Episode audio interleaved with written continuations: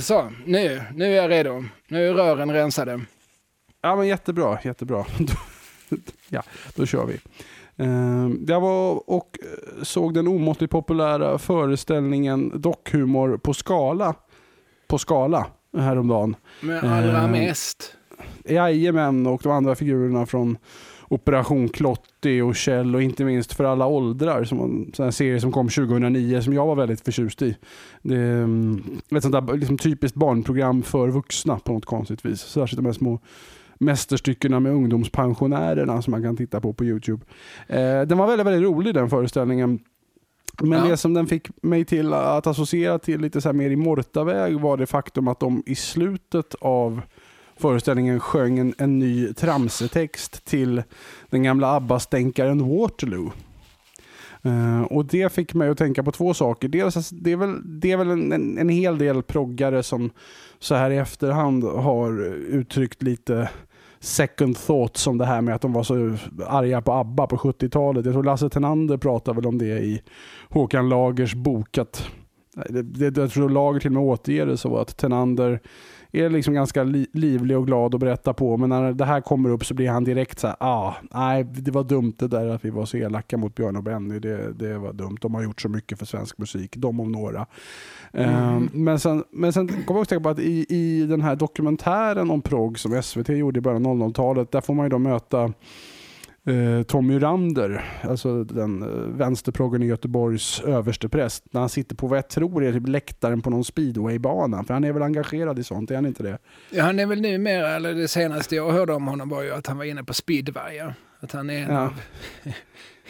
han, han, han, var ju som popsångare på 60-talet och spelade i Shakers, ja. eller sjöng i Shakers som var förband till Rolling Stones. Och sen på 70-talet Ja, som vi väl har pratat om tidigare så satt han ju på minst tre stolar. Han var chefredaktör för Musikens Makt. Han jobbade på Sveriges Radios ungdomsredaktion i Göteborg. Eh, han drev skivbolaget Nacksving och sen skrev han nog också i Göteborgs Posten eller tidningen. Det är ju ingen ja, som, gjorde, kan, det är ingen som någon... kan skilja de två tidningarna åt. Inte ens de som jobbar där kan skilja dem åt. Nej, men han gjorde väl någon famös tror jag, sågning av Bob Dylans klassiska Blood on the Tracks. Uh, famös och ganska tidstypisk. Att vad är det här med att hålla på med skilsmässa och privata grejer när man kan sjunga om, om kapitalismen? Uh, ja, nej, precis. Så, så, det stämmer nog. Uh, Tom Miranda har, har, i väldigt hög grad fått bli liksom, syndabocken. Det är han som Alltså den här boken du nämnde, Håkan Lagers bok Poggen, där pekar ju Lager också väldigt mycket ut Rander som, som boven. Det var han som politiserade hela musikrörelsen. Och jag såg, och det gissar att du också har sett, den aktuella dokumentären Tystnaden Nej, jag har inte hunnit det. Det ska jag göra ikväll. Hade jag tänkt. Nej, men för det är ett klipp också såklart när Tom Miranda dömer ut vad Silence då satt och gjorde. Alltså Silence gjorde ju instrumental flummusik och det tyckte ju Rander då var förkastligt. Hålla på och göra liksom, musik med långa gitarrsolon och så. På vilket sätt manar det massorna till kamp? Eh, och han är ganska hård. Det är ett klipp då från från Anno Datsumal när han eh, dömer ut eh, i princip hela deras eh, skivproduktion då med Sagan om ringen och, och Samla mammas manna och så som, som varande som politiskt otydligt. Och ett, och ett problem för musikrörelsen. Får Rande vara med och prata om detta i nutid också? Eller Nej, hur? Utan, Nej. och jag vet inte om han, alltså det senaste livstecknet från honom, det är ju 15-20 år sedan han hade ett sommarprogram. Eh, och jag, sen, alltså jag tycker mig inte var han med ens i den här dokumentären om Nacksving? Det var han kanske? Det tror, han var med i dokumentären om Afzelius. Uh, där är han med på ja. små hörn. Det kommer jag ihåg. Uh, Nacksving blir jag osäker på. Det borde han väl nästan vara tycker man. Det men låter det, rimligt det eftersom han drev ja. bolaget och sådär. Men, men uh, han, det, han har mer blivit liksom, ja, men det är skönt att ha den, den där killen, det, är han, det var hans fel. För, för att det är mm. såklart många människor från musikrörelsetiden och sådär som i efterhand ångrar, att, eller ångrar vissa saker. Vissa saker, det här var väl lite dumt, det var väl dumt att vi lät det här bli så, så himla politiskt. Det var väl dumt att vi stod och pekade finger åt Turid för att hon bytte från det alternativa bolaget Silence till det halvalternativa bolaget Metronom. Mm. Det, det, var mm. väl det, var ja, det pratade vi om i förra avsnittet. Ja, precis. Folk, det, det, var väl dumt folk av på oss. Anders Burman. Ja, men, men, Men det var, det var väl ändå Randers fel. Lite så känns det som att stämningen har varit. Men varför började du prata mm. om Tommy Rander? Jo, nej, men därför att Tommy Rander i den här dokumentären om prog sitter då på någon speedway-läktare, får jag för mig att det är, och prata lite. Och det, det, det, man förstår ju då att det är det här med ABBA som har kommit upp. Vad tyckte man om ABBA? Och, och där är han ju sådär, alltså, jo, hade jag fått höra Dancing Queen eller Knowing Me, Knowing You eller Thank You For The Music kanske, då hade jag ju mer än gärna lyft på hatten. Va? Men just Waterloo tycker jag ju fortfarande är, är inte så jävla bra. Något sånt där säger han. Och det roliga, det var det som slog mig när jag lyssnade på, eller när jag hörde den här låten med tramsetext i Dockhumor på skala, är ju att jag tycker att han har helt rätt. Waterloo är en fullkomligt mördande tråkig låt. Uh, den har, liksom har den här dansbandssaxofonen. det är ja. boogie-gunget och dansbandssaxofonen. Eh, ja, jo. Ja, ja, nej visst. Och jag har inga problem med det. Jag har inga problem med boogie-gung och dansbandssaxofon. Ja, det, det ska ju vara roligt också. Du har det? Ja. ja, nej. nej det, hade, hade ABBA bara gjort den låten så hade historien gett hela musikrörelsen rätt. ja, nej, för jag, jag tog det där vidare. Och liksom, jag kan faktiskt inte komma på någon ABBA-låt som jag gillar mindre. Möjligen uh, Treat him well, he is your brother. Men det, det, det är möjligen det. Jag tycker nog mest liksom allt de har gjort är bättre än Waterloo. Uh, dels var det det, men sen så var det också att jag kommer då associera vidare till Björn och Bennys eh, omvittnade ovilja att folk ska skriva just tramsetexter till deras låtar. mm. Jag har en kompis som heter Andreas Totti som är dels trogen lyssnare av Della Morta vet jag, men han är också humormakare och känd som Hasse Hansson i Café Bärs på kanal 5.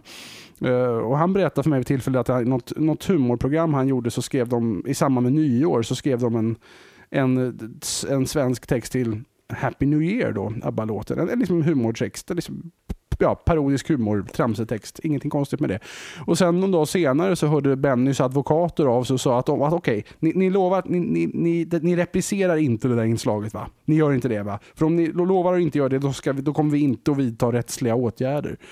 Uh, och det tycker jag är lite intressant, för det, det är så uppenbart vapenskrammel. För det, det, nu har inte jag alla de här paragraferna färskt i huvudet. Men det är ett case som Bennys advokater aldrig skulle kunna vinna. Det är ju bara att säga satir. Man behöver inte be om tillstånd innan man skriver en, en parodisk eller tramsetext på en ny låt på det sättet. Nej. Och, och, men det är också lite så här, ja, okej okay, att man lägger den energin på att direkt bara kväsar i sin linda, hör av sig i redaktionen. Gör inte om det där, gör inte om det där. Ja, jag, jag blir irriterad på sånt. Jag tycker det är som är någon sorts eh, kulturfientlighet och så här, och att inte kunna se värdet av att mina melodier sprids vidare. Och, alltså, det är ju ett tecken på att den här sången är bekant. Eh, den här sången mm. är någonting när folk börjar leka med den. Eh, att, att inte ha det perspektivet som, som melodimakare, det tycker jag är, är snålt och njuggt. Mm. och Eh, nej, men eh, okollegialt också faktiskt.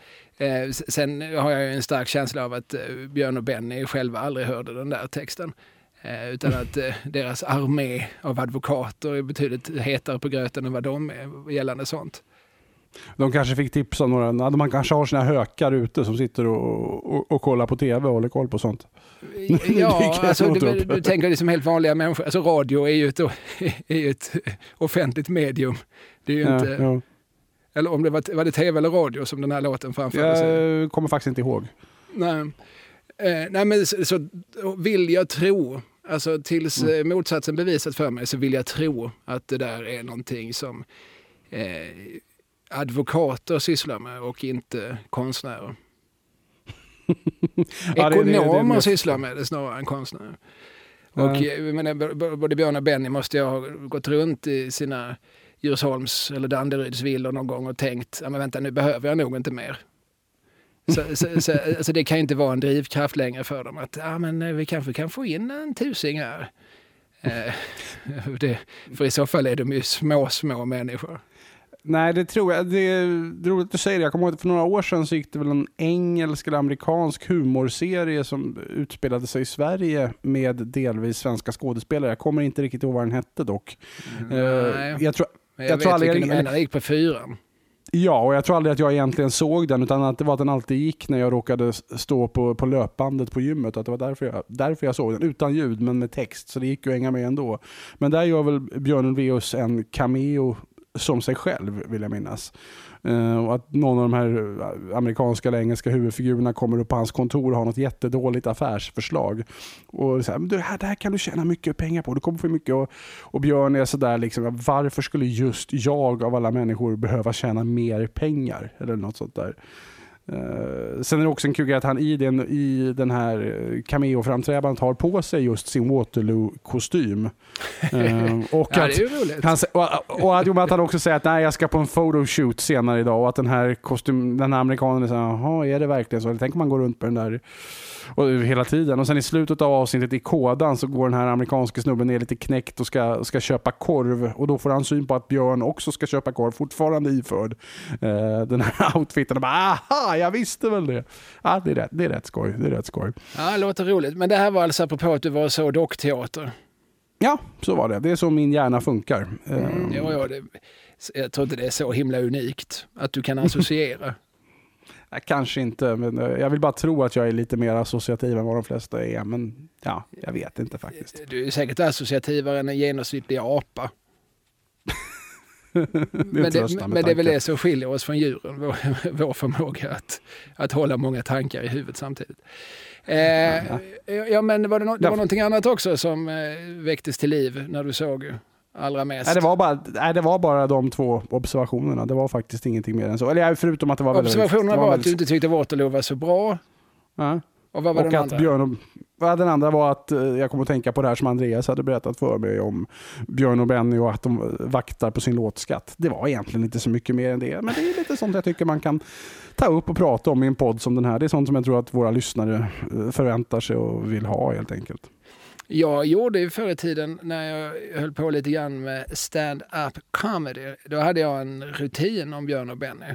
Det var, det var mm. liksom den enda. Jag tyckte det där med stand-up comedy, folk håller på sådär med rutiner och skämt och sånt. Jag, jag var inte så bra på Nej, jag fick, jag, jag, Som jag minns det var du väldigt motvillig när det gällde stand-up comedian. Det kändes som att du egentligen inte riktigt ville.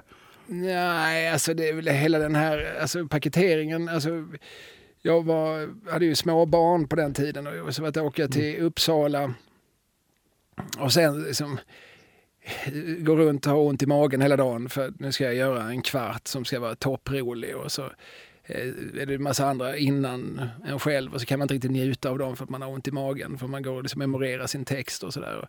Och sen så, sen är det liksom, sen har man en möjlighet Alltså mm. det är nu, 15 minuter, sen, sen är det av. Och sen ska man behöva åka hem hela vägen och stå ut med sig själv. Allt för att kunna fakturera 2000 spänn till Fritte Fritzson. Alltså det tyckte jag var... Eh, det, det kostar mer än vad det smakar. Så, ja, så... Men jag känner igen den känslan från mitt eget musicerande. Hur mina tankegångar gick ungefär sådär också mot slutet. Mm. Men hur som helst, jag gjorde det väl, jag vet inte hur många gånger, 50 gånger, jag har ingen aning. Eh, men, men eh, och jag minns inte vad jag brukar prata om, men jag minns att jag ibland pratade om att Peter Lemark var, var så tjock. Det var inte alltid så, så fyndigt kanske. Jag tror, jag tror mm. att jag vid något tillfälle råkade kalla Peter Lemark för Shrek. Eh, men det var ju såklart, det var ju inpaketerat i någonting mycket fyndigare såklart. Den jämförelsen har för övrigt Lemark själv gjort i sociala medier. Han la upp någon bild på Shrek och någon konsertbild på sig själv, lika som bär. Så. Ja, Lemark är en man med humor och självdistans. Ja, ja men det är olika. Alltså, man får ju lov att säga det om sig själv. Det är, mm. Säger man det om någon annan, då är man ju, det, det är ju elakt. Så beter man sig inte. Och det är ingenting som jag kanske är jättestolt över, även om jag tror att det var lite roligt. Men jag hade också en jättelång lång rutin om, om Björn och Benny som, som var rolig att göra för att man kunde liksom byta ut saker. Det var det jag tyckte var lite träligt med stand-up comedy. Liksom, här ska jag gå upp och säga samma sak som jag sa igår. Det känns ju känns ju lagom sexigt. Det känns ju lagom spännande. Jag har fortfarande inte riktigt vant mig vid det där. Man ska liksom säga, säga samma sak igen.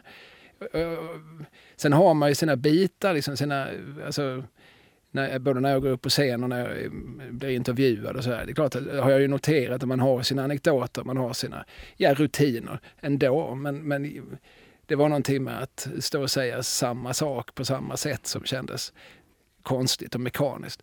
Men den här rutinen om, om Björn och Benny, eh, under åtminstone en period så, så handlade det... Alltså, grundprincipen för den här rutinen är alltså att jag har en tes. Och tesen är att jag tror att Björn vill hänga mer med Benny än vad Benny vill hänga med Björn. Mm. Att Benny har mycket coolare polare som Kalle Moreus och Tommy Körberg och Helen Sjöholm och så. Men, men, Björn, han har liksom, Björn vill alltid vara med Benny. Och Björn är beredd att göra rätt stora eftergifter för att få hänga med Benny.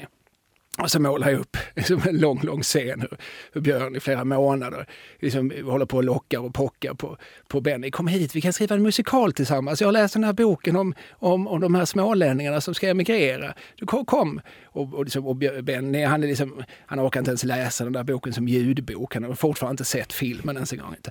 Eh, ja, men, jag, hela idén är väldigt mycket att jag då och då avbryter mig för att säga, alltså det här vet ju inte jag. Alltså jag, det här är bara som jag spekulerar nu. Va? Men jag tror att det är så här att Björn Ulvaeus att han har sina underkläder färgkoordinerade i garderoben från äggvitt till gräddvitt och att han har sina kryddor i bokstavsordning från aromat till örtsalt. Medan Benny, jag tror, han är nog mer en sån som gör fiskpinnar i brödrosten och eh, nudlar under varmvattenskalan. Alltså det här är bara som jag tror. Det är bara som jag hittar på nu. Jag bara gissar, jag bara spekulerar. Och det är liksom själva principen för det. Och sen målar jag upp liksom en lång historia om hur de tillsammans eh, eh skriver musikalen Kristina från Duvemåla. Och, eh, och sen så kommer vi in på nästa spår, då, liksom hur de läser den här boken som handlar om missväxt och nödår och elände och Smålandsbönder som går och petar i en stenig åker med en pinne och barn som dör och folk som spikas upp foster som spikas upp på väggar av uramerikaner. Den läser Björn och Benny och tänker, se där, där har vi en musikal. Det är bara steppdansen som fattas. Ungefär så. Men då började jag också, åtminstone under en period såg den här rutinen ut så att jag hade att, olika sånger då som Mor Kristina, det är svält igen, åh nej. Vi får göra barkbröd. Ja, ungefär så. Mor Kristina, mm, mm. alla barnen dör. Åh nej, var är nu min spade? Eh, och, eh, och även, det krävde så jävla mycket information. Den här rutinen förstår du, den tog ju 20 minuter eller så.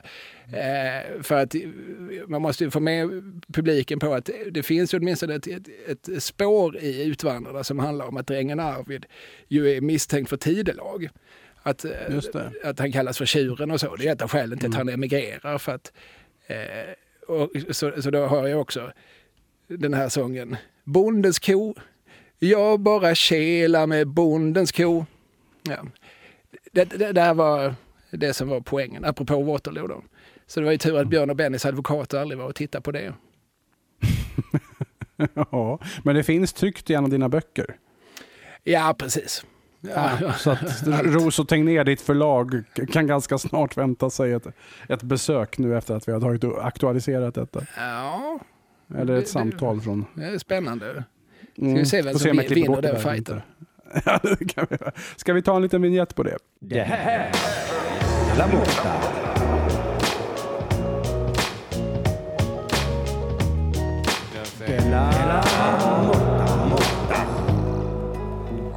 Morsning, korsning, barnförlossning och välkomna hit till Della Morta avsnitt 21. Jag heter Fredrik av Trampe och min, min vän med en bil heter Kalle Lind. Hej Kalle!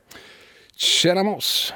Tjena Moss. Jag försökte göra min bästa Christer Pettersson-imitation där med morsning, korsning, barnförlossning. Ja. Eh, jag, jag har lite hamnat i också en sån grej på sistone att jag har tittat mycket på Christer Pettersson-klipp på Youtube. Det är lite den där stå och se på en trafikolycka delen av en själv som kommer igång då. Ja, nej, jag har inte spisat så mycket Christer Pettersson som många andra i min generation har gjort. Och så där. Jag kan ju såklart eh, eh nu ska vi ut på rövarstråt, vi ska ut och röva. Men det är ju, mm. får sägas vara en, en allmän klassiker. Men annars ser jag inte Alltså jag har ju läst gamla Z-reportaget där Lars Thunbjörk var hemma och, och plåtade honom i hans lägenhet i Rotebro. Jag har ju sett den där gamla Hustler Husler utviket och så. Men jag har inte suttit och kollat på eh, Youtube där jag gissar att eh, det är utlagt när Aschberg och Fylking satte honom i lögndetektor och så. Ja, det är nog uppe, men det är, alla, det är i alla fall mycket när Fylking och Aschberg hänger med Christer Pettersson i olika sammanhang. Ja, alltså hardcore jag hade... är jag inte, att jag har kollat på dem. Nej, jag, hade, jag har inte kollat så mycket, det är först nu på sistone då, men jag hade glömt bort det där med, eh, vad heter det, just eh, Rövarnas visa. Att han kör ju faktiskt även en liten dans efter att han har sjungit den där. Det, det, det talar man inte lika ofta om som att han sjunger den där grejen. Det är ganska, han liksom slidar runt på snön och försöker vara Fred Astaire. Eh, det, det är rätt kul och samtidigt djupt, djupt obehagligt. Mm. Mm. Jag tror du ja, sammanfattar det där. Men, men eh, okej, okay, Christer Pettersson, det är inte det vi ska prata om. Nej, det är det absolut det bara... inte. Jag ska, ja, det var bara att jag ja, gjorde den lilla introden där. Vad har hänt sen sist, Kalle? Eh, jag har varit och sett eh, Kringlan K. Kristoffer Svensson, hans nya mm. föreställning, Prima Ballerina. Den spelades i Malmö, i, ja, när ni hör det här, i veckan som gick. Eh, på det. Blå båten som min vän och eh, kollega och eh, sportkopp Valle Westesson driver, när han inte driver cirkushotell. Eh, eller Mästerentreprenören, mästerentreprenören Valle Westesson. Eller när han utforskar någon å i Skåne och skriver en bok om, om de olika sedimenten. Han har mycket saker för sig. Ordnar bussresor till Tjernobyl va? Ja, precis. Ja, ja. Men, livet är ett kärl som måste fyllas citat eh, mig själv. Men, men eh, det går att applicera bättre på honom än på mig. Mm. Eh, nej, jag var och tittade på eh, Prima Ballerina som spelades eh, två gånger rygg i rygg. En 19 och en 21 föreställning. Oj, jäklar. Det var betydligt färre folk på 21 föreställningen men det var å andra sidan också liksom coolare människor. Då kom liksom mm. de, de balla. Då kom Arman Reinsson och Henrik Mattisson, och Simon Gärdefors och Simon Chippen Svensson och sådana liksom, de balla Malmökomikerna. Eh, då kom de och tittade, så det blev liksom en, en annan sorts stämning i lokalen. Mm. Är ja, du kvar? Det, det, ja, jag är kvar. Men det, det, var inget mer med det än att du var och såg föreställningen? Eh, Nej jag, nej, jag hade inte mer att säga än att så, så, så, det här var bakgrunden. Sen så såg jag ju själva föreställningen och den, ja. den, var, ja, den var rolig. Ja, jag, tycker, jag såg den också här nu i av, när, när det här läggs ut så är det mer än en vecka sedan. Men jag såg den här i Stockholm och jag tyckte det var nog den roligaste hittills av Kringlands eh, föreställningar. K, förlåt. Ja, men sådär säger man väl varje gång för, för att eh, ja Alltså det är roligare att skratta nu än att tänka tillbaka på när man skrattade för ett år sedan. Det är mm. säkert så. Alltså han blir säkert, uh, han får väl, får väl till saker. Uh, nej, jag tycker också den är rolig. Det, var, det, det jag tog mest med mig var en bit om när han såg Björn Eriksson, före detta rikspolischef i Göteborg. Det, det var någonting som som jag tyckte var kul. Så fort, så fort man mm. droppar människor som fanns på tv när jag var liten så har man med mig på båten. jag tyckte det var kul att han också slängde in, han gjorde en sån här blink and you'll miss it eh, referens till Jönssonligan på Mallorca. Uh, curare, ja, snabbverkande. Jag vet inte om det var någon som plockade den i Stockholmspubliken mer än jag. Jag skrattade desto mer enligt ungefär samma mekanism som du beskrev här nu.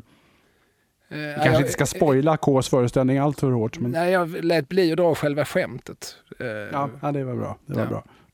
För den, den det går, den går väl länge än, den här prima ballerina? Ja, ja, den går väl några gånger i Stockholm och i Göteborg och sen så mm. Sen är den historia. Sen får man lyssna mm. på den i efterhand på underproduktion.se där man ju också mm. hittar Della Morta.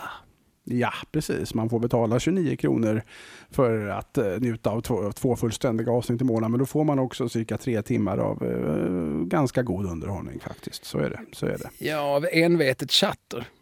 Ja, jo, men, ja, men det är ju samma sak. Då får man men det piff och puff. Ja. Med lite skrovliga röster. Uh, vem av oss är vem? Jag har nog, vem har störst näsa? Jag tror du är Puff. Det är ja, han med den stora röda näsan. Ja, jo, men det känns instinktivt. Jag känner mig instinktivt som Puff också. D så att, Dale på engelska. Just det, Chip and Dale. Mm. Rolig ordvits. Mm. Ja, den är betydligt roligare. En av många ordlekar som översättaren till Disney-universet missade. en gång i tiden. Jag undrar varför det blev Piff och Puff. Det är nu vi ska ha Stefan Diös, någon ankistiskt kunnig människa här, men det, jag vet inte. Det har jag faktiskt aldrig frågat mig förrän nu. Nej, det är också en grej som vi kanske... Det har ju en rytm Alltså de Mm. gick väl i linje med Knatte Fnatte Tjatte. Eller eh, Teddy och Freddy. Eller Kikki, Pippi och Titti. Var Teddy och Freddy med i Disney också? Det är Musse Piggs brorsöner. Ja, det är det. Ja, just det. Just det. De förekom ofta i Musse Pigg-tidningen som fanns när jag var liten. Eh, konkurrent till Kalle och Company. Eh, ja, okej, men det har inte, det har inte Ja, hänt sen så mycket. Tjorvens stora syster också Teddy och Freddy. Ja, det var ju det jag tänkte. Men, eh, men just det, just det, just det. Det, Det är det, gör väldigt queer, helt eh, könsflytande här. Ingen vet. Ja. Vad- Ja, nej, nej. är Teddy och Freddy?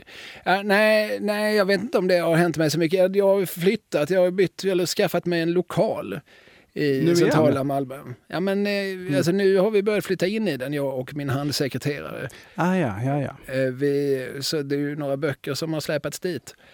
Eh, Min boksamling är inte riktigt lika stor som Birgitta Dahls. Men jag, har ju, jag, jag tillhör ju ändå de som, som tycker om att slösa på skog. Fortfarande, utan större samvetsbetänkligheter. Har du läst av Birgitta. Dahls eh, bibliotek? Jo, jag såg att, eh, jag vet inte, vad var det, 15 000 böcker? Eller var det ännu fler? Det är lika många som Många. Björn Ranelid har. Eh, Oj, jaha. Björn Ranelid var nämligen på invigningen av Turning Torso när det kan ha varit 2000 någonting. Och fick då Ja. frågan, kan du tänka dig flytta dit? Nej men herregud, hur skulle jag kunna flytta dit mina 15 000 böcker? Vil- Vilket var ett så konstigt svar, för det finns väl flyttfirmor, Björn. Men, men det var lite grann för att Björn bara au passant skulle berätta att han hade 15 000 böcker. Men tydligen har då Birgitta Det är inte Dahl alls lika många. Det är inte alls genomskinligt. Ja, nej. Och jag, jag är lite irriterad på Birgitta Dahl nämligen. Alltså för Aha. att hon har ju gått ut nu med att här sitter jag med dessa 15 000 böcker och nu vill jag bli av med dem för jag, jag har börjat förstå att jag kanske inte kommer att leva för evigt och så. Och det hade varit roligt om någon kunde ta sig an dem och så här. Och så pratar hon hela tiden om mina böcker, mina böcker. Åh, här är alla mina böcker. Men du Birgitta, du var ju gift i hundra år med en kock och han var ju faktiskt eh, eh, inte bara toppsosse, han var ju också kultursosse och skrev en massa aktuellt i politiken. Var inte några av de böckerna ändå ens? Alltså handen på hjärtat Birgitta. Det här tycker jag, det är så himla fult av Birgitta att inte ge en cred för att han ägde åtminstone 50 procent av den där boksamlingen. Det tycker jag är snålt Birgitta. Birgitta Dahl, om du hör detta så tycker jag du ska börja säga våra böcker istället. Men jag måste säga en annan sak apropå det här, för det, om, om det var i Babel eller var hon visade upp det här. Det var någon som skickade till mig, oerhört roligt, någon som skickade en skärmdump. Eh, när Birgitta Dahl är intervjuad i, i sitt bibliotek så ser man väldigt tydligt att hon har satt en bok på display. Hon har vänt den med, med framsidan framåt när alla andra står med, med ryggen mot. Hon har, hon, har, hon Mm. har alldeles uppenbart ställt den här i bokhyllan för att den ska synas. Kanske rent av för det här tv-reportaget eller så står den där alltid. Och vilken bok är det då? Jo, det är Ja. Gä- Gästabud med Ulf och Kicke. Ja, det är ju en, i, i Kalle Lind-universat så är ju dessa personer och nöjesfigurer allmänt kända. Eller är de det? Ska vi förklara vilka Ulf? Lundqvist och Kikki Sturesjö, de lever fortfarande. Det, det var ett, som ett fantastiskt eh, det, par. De, eh, de träffades någon gång kanske på 60-70-talet och sedan dess har de inte varit ifrån varandra en dag. Eh, De f- har, efter vad jag förstår, främst försörjt sig som festtraktörer. Och som sådana visade de också upp sig varje vecka i Aftonbladet Söndag under hela 90-talet. Då var de alltså hemma hos eh, någon känd människa, gärna någon som jobbar på Dramaten. De älskar Dramaten. De har ett eget stipendium som de delar ut till en Dramatenskådis varje år som heter Förgyll din dag-stipendiet. Eh, och då, men det kunde också vara hemma hos olika glaskonstnärer och generaldirektörer för Televerket och så. Men, vä- vä- vänta, det går alltid till en Dramaten-skådis. Eh, och det heter Förgyll din dag. Mm. Det är inget jättelogiskt orsakssamband? Nej, men det här eller? är liksom nyckelord i Ulf och Kicke-världen. Förgyll din dag, gästabud. Eh, alltså det handlar väldigt mycket om att sätta guldkant på tillvaron. Och det gör man med god mat, goda vänner, vackra uppläggningar och med teater. Eh, Ja, ja. Ja, det finns på nätet, eller har åtminstone funnits. Och låg det upp, jag tror det låg på Aftonbladet, en lång sekvens från firandet av Ulfs 60-årsdag. eller 70-årsdag någonstans nere på eh, franska rivieran eller så. Då var det Anita Wall och Jan-Olof Strandberg som var där och eh, läste en, en dikt på vers. Eh, till Ulf och Kicke. Jag minns bland annat eh, rimmet är, är Uffe den äldre? Ja, nästan föräldre. Det var ju roligt. Ja, men det är de här två människorna, de var, då det var bästa vänner med Sickan Karlsson när det begav sig. Och så här. Så de, de, de, de älskar hela den här liksom, eh, showbiz och eh, teatervärlden och sådär. Och eh, de älskar att få sol på sig och de älskar att eh, när det doftar gott och när det ser vackert ut och så och, och, allt det här tycker jag är underbart. Och de gav, under sin, sina heydays gav de ut tre kokböcker. Och det är inte så mycket kokböcker som det är just eh, alltså festtraktörböcker. De är, eh, det var ju de här reportagen från Aftonbladet då. De är hemma hos eh, de här glaskonstnärerna och Dramatenskådespelarna. Och så sätter de ihop en, en trerättersmeny som kanske heter någonting lite fyndigt sådär. Eh, ja, nu kommer jag inte på ett enda exempel såklart, men det är någon sån här Curre Lindströms playoff-kaka. och sådär. Alltså, eh, som alluderar lite grann på Ja, men de är hemma hos, jag tror de är hemma hos Örjan Ramberg som lagar inte gubb men väl grabbröra och sådär till sina, sina grabbkompisar och så. Eh, och eh, ja, det, så ser det ut. De är hemma hos Solveig Feldin. De är hemma hos, hos många olika människor som man har liksom lite grann glömt att de finns. Så de är, jag har ju alla de här tre böckerna såklart. Jag bläddrar i dem ibland och, och blir på mycket gott humör. Och den här boken, det var alltså någon som mejlade mig och, och liksom, har du noterat detta? Att den, varför står den här Ulf och Kicke-boken så tydligt exponerad i Birgitta Dahl-reportaget? Och då var jag ju tvungen att springa till mitt exemplar av Gästabud och kunde ju då ganska snart konstatera att ja, i den boken så är Ulf och Kicke hemma hos Birgitta Dahl och en kock. Så att hon har liksom, jag förmodar då att Birgitta när hon har mottagningar har ställt den där boken så att folk ska liksom, jaha vad är det här för en bok? Nej men, här är ju du och en Birgitta.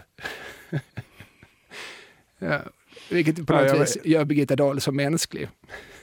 Jag har varit med i en bok. Titta, titta, jag har varit med i en bok. Ja, jag har ju för fan varit minister i 200 år. Ja, men jag har också varit med i den här boken där, där även den här glaskonstnären Göran Werf är med. och före detta, före detta Televerks generaldirektören Tony Hagström och hans fru. Titta, titta. Ja. Det var en association. Apropå, ja, jo, men det, ja, apropå att jag har flyttat, eller jag har låtit min handsekreterare flytta mina böcker. Då. Eh. Jag, får, jag får två associationer utifrån det som du säger nu. Dels kommer jag tänka på någon gång när Glenn Hussein blev intervjuad av typ Rapport hemma hos sig och hade valt att ställa sig framför en, en inramad Hötorgs konstavritning av honom själv hängandes på väggen. Mm. Alltså det, var, det var en sån här typisk ja, men, betala tecknaren på gatan 50 spänn och så får du en teckning gjord av dig själv när du är på semester i London. Den typen av grej. Ja, det där har ju också... Ranelid också gjort, fast det är ju inte ah. en, en eh, en strandkarikatyr utan det är ju ett, ett oljeporträtt som man nog har betalat ja. betydligt mer för. Men jag skulle säga att eh, kvaliteten är det ingen större skillnad på. och sen kommer jag att tänka på Kurre Lindström som du nämnde där, som han har nämnts ganska nyligen i, i Della-sfären och eh, även i På spåret och lite, lite överallt. Min, den enda anledningen till att jag egentligen känner till Kurre Lindström var att när jag var lite yngre så såg jag vid något tillfälle Micke Dubois, eh, även lite mer känd som sin figur Svullo, eller som den elake polisen. Eh, när han tog två stycken flaskbottnar och satte framför ögonen och sa “Tjena, det är jag som är Kurre Lindström, jag kan inte se skillnad på spel i två zoner och en fitta”. Uh, och Det tyckte jag var väldigt skoj. Så då blev jag ju tvungen att ta reda på vem den är Kurre Lindström är. Han hade väldigt tjocka, ordentliga glasögon. Mm. Och när Kringla nu nämnde detta i något Della Arte tror jag det var, eller om det var Della Pappa var det, där han läste högt ur något hemma hos-reportage om Kurre Lindström nere i Thailand eller vad det nu är han bor i. Så då, då, då skrev jag till Kringlan att det är liksom där, just det här, att det här är det enda jag vet om Kurre Lindström. Och Kringlan bara, ja, jag kommer ju också ihåg den linen så oerhört väl, vilket är ett tecken på hur jäkla stark den är. Ja, det var bara det. ja, nej men eh, Micke de Bois var ju ändå ganska ensam om att uttrycka sig så explicit, så grafiskt. jo, men det är väldigt, det är just, det är väldigt, det är väldigt oväntat. Det där har man ju liksom en så här grundsten i humor. Man lägger ihop två saker som man inte direkt hade väntat sig. Ja. Eh, Spel i två zoner, en fitta, ja och så en tredje sak dessutom. Curry Lindström och grova glasögon. Ja. Nej, men du har flyttat och det har gått bra hoppas jag. Ja, ja, det är ett pågående projekt. Nu, nu håller vi på att inreda vår nya lokal. Eh, och Har du alla- några roliga affischer på väggarna undrar jag då? Eller någon så här... Eller har du, jag vet, vad heter han, Uno Myggan Eriksson hade väl någon jättelik papier-maché-docka föreställande Ernst Rolf på sitt kontor. Har, har du någonting sånt? Ja, jag har haft, men jag har gjort mig av med tror jag i en flytt. Jag hade ju en pappdocka av Hasse Kvinnaböske som jag i många år fan. lät pryda mina väggar. Men sen tror jag det kom in något sånt här fruntimmer i bilden som tyckte att ja, men jag vill inte ha den. Jag vill inte att han ska titta på mig. Stående strategiskt placerad i sängkammaren och så vidare. Ja, nej, nej. Eh, nej, så att den har försvunnit någon gång. Alltså, jag hade den i helfigur och sen så trillade benen av. Men jag hade åtminstone eh, alltså torson och, eh, och huvudet. Men den verkar tyvärr vara förkommen. Nej, ja, jo, jag har väl samlat på mig och eh, även fått en och annan eh, nöjeskuriotisk detalj. Som, eh, men eh, vi har inte kommit dit än. Sen har jag också upptäckt att i antikvitetsbutiken precis bredvid lokalen så har de en sån här Gunnar Sträng sparbössa. Eh, som, som gjordes på 60-70-talet någon gång. Som jag blev oerhört sugen på att införskaffa. Ja, det kan jag förstå. Ja, jag kände, bara plötsligt så kände jag så här, det här kontoret saknar någonting. Det är inte komplett. Mm. Vad, är det, vad är det vi inte har? Ja, det- är ju den där sparbössan från butiken bredvid. Ja.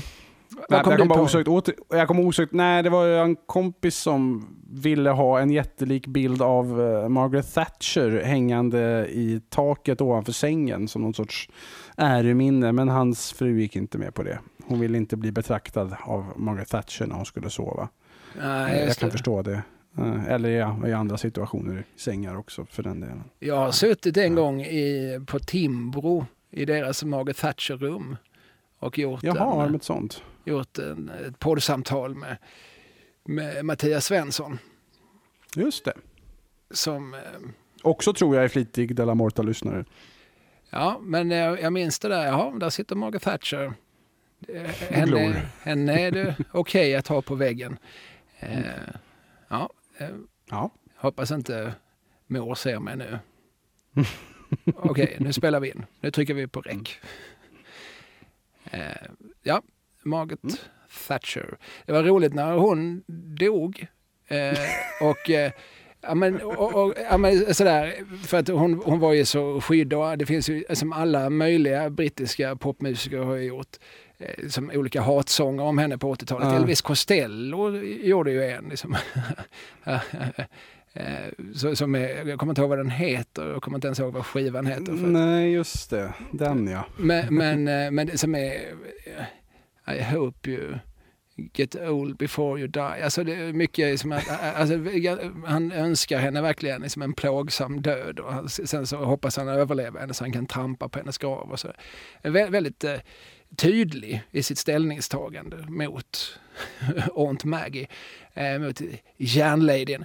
Eh, och, och de här bannlystes allihop. Alltså, vi, alltså BBC och så bestämde vi kommer inte spela de här låtarna under den här perioden, eh, under sorgeperioden. Hon är ju stöd och det anstår inte oss som public service-bolag att, att spela de här. Men vad som också hände samtidigt var ju att, att den gamla Trollkarlen från Oss-låten, den här The Witch is Ding dead. dong. Just Ding det, Dong, Dong, The Witch is Wicked Dead. Witches. Den, Ja, d- den köptes, eh, streamades så mycket att den hamnade, jag tror den hamnade överst på.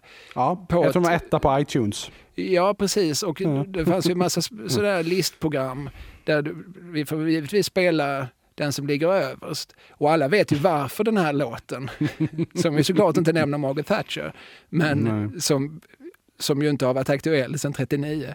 Eh, vi vet ju varför den plötsligt har, rusat upp i toppen. Men eh, den kan vi i alla fall spela okommenterat. Ja. Ja, det, Men det, ja. och det var nog också så här, alltså det blev ju en diskussion om detta och i samma ögonblick som man, som man för den diskussionen så har man också outat det hela. Okej, ja, vi är lite tveksamma till att spela den här låten. Jaha, varför är ni tveksamma till att spela den? Det är ju en gammal musikallåt från, från 1939 som sagt. Och, och den eh, handlar ju om den här hittepå-häxan. Varför är ni så... Jo, men eh, ja, vi har våra aningar om varför den har fått så förnyad popularitet här nu. Jaha, vad är det för aningar?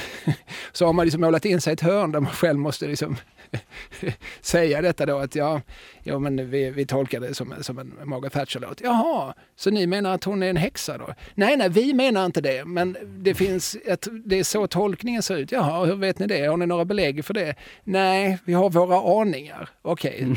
men det betyder att ni själva kanske tyckte att hon var en häxa. Det har vi aldrig sagt. Ja, lite så måste ju folk ha känt sig lite klämda, olika ja. mellanchefer på ett public service-bolag. Men det önskar jag alla mellanchefer på alla public service-bolag att bli. Mm. Mm. Så det är ingen fara med det. det är inget, jag lider inte med dem. Jag, alltså, jag tycker inte synd om dem. Och du är inte ett dugg bitter? Nej, nej, jag är inte så himla bitter. Men, men Ja, det är ju en, en käpphäst jag har att, att då och då säga någonting syrligt om mellanchefer på public service-bolag. Ja, det har vi gjort förr här i podden ja. och det måste vi upprätthålla. Tramp the dirt down tror jag låten heter förresten. Just det. Eh, och vad hette Spike, hette plattan så? Det, ja, det gör den väl tror jag. Ja, ja det gör den. Det heter den. Spike heter plattan. Mm. Uh, det är ingen ja. vi uppmanar någon att lyssna på. Spela Nej, istället den här inte. Eh, Ding Dong, The Witch is Dead. Ja, eller någon av eh, Elvis Costellos många trevliga coverversioner av andras låtar. Innocent When You Dream och sådana där. De är riktigt fina. Ska, eh, innan det här spårar ska du fråga mig vad som har hänt mig sen sist? Eh, ja, du brukar ändå bara berätta lite om din skolgång och så här, och, utan att vara sån, ja, men jag bryr mig inte. Nej, kommer okay. kommer du berätta någonting annat än om din, din, din senaste fysikprov? Ja, det, det, det hade jag egentligen tänkt. Ja, uh, men, men, då ställer jag frågan. Ja, men då ställer jag frågan. Okay. Ja, okay. Hör, hör du Fredrik av Tampe, eh, ja. vad har hänt dig sen sist? Jo, men apropå, apropå just eh, Timbro som du nämnde där, eh, så har jag läst två stycken böcker som är skrivna av två, gud jag pratar väldigt mycket om inbitna Della Morta-lyssnare idag märker jag, men det är två inbitna Della Morta-lyssnare. Just det, också. att de är inbitna är det lite grann du som tillskriver dem också. Mm, det är klart. De, de har inte bara råkat lyssna någon gång, eller så här, utan de sitter, nej, nej, nej, liksom, de sitter och bevakar de sitter med iTunes öppet och bevakar att nu eller hellre såklart med underproduktion.se öppet och bevaka. Där dyker den upp. Ja, vilka är de här inbitna Della Mata-lyssnarna? Eh, det är då dels Christian Albinsson och det är dels Linus Kulin. Och eh, båda herrarna har då skrivit böcker som jag har bidragit till och i, ja, i Linus fall så har ju till och med även du bidragit. Christian har gjort en bok som heter Bubblan som aldrig sprack som handlar om IT-bubblan. Den finns ute nu. Och så har Linus gjort en bok som kommer den, den 29 maj, 29 maj eh, som heter Vuxna män gör saker tillsammans och som är en eh, bok om Killinggänget och deras historia. Och där har du skrivit förordet och jag har bidragit med eh, några små rader om Killinggängets betydelse. Och sen till den här IT-bubbleboken har jag gjort research och letat fram märkliga historier om Stell von Holstein och eh, Bo.com-gänget och, och, så vidare. och så vidare. Dock tyvärr inte den bästa historien i boken när Johan Stell von Holstein ska gå ut på krogen ihop med eh, några möjliga eh, samarbetspartners från USA, mäktiga män, varav eh, en är svart. Och när de går ner på Sturehof eller vad det är så råkar de springa på en gammal bekant istället från Holstein från Halmstad, en man som heter Peter Wahlbeck. Uh, och uh, Wahlbeck tränger sig ner vid deras bord och förklarar att Me and Johan, you know, we're gonna start a communist nazi party, a political party. Och de här amerikanerna, jaha, jaha. Uh, vad är poängen med det här? Well, the point is everyone can be the Führer. You can be the Führer, säger han och pekar på en av amerikanerna. And Johan can be the Führer and the nigger can be the Führer. Och pekar. Och de här amerikanerna säger ja, reser sig och går därifrån och kommer aldrig tillbaka. Den historien hade Christian redan innan jag kom ombord på skutan, så den kan jag inte ta till mig credden för. Men jag har hittat en del annat skoj. Hittade du det här med att Stel von Holstein under hans eh, ZTV-period hade åtminstone offentliggjorda planer på att göra porr med sig själv. Ja, ja. ja. Det, ja det, det, det, det hittade jag någon artikel om. Han, skrev, han sa i alla fall, ställer ingen annan upp så får jag väl göra det själv. Alltså, ja. Det betyder inte att han faktiskt var, skulle göra det. Nej, han skulle, det skulle vara en hel del om homosexualitet tror jag också, vilket inte var riktigt så opportunt 91, 92 eller när det kan ha varit. Eh, men, men det stämmer, jag hittade, jag hittade lite artiklar om det. Han verkar ha varit driven redan på ZTV-tiden, om nu någon trodde någonting annat.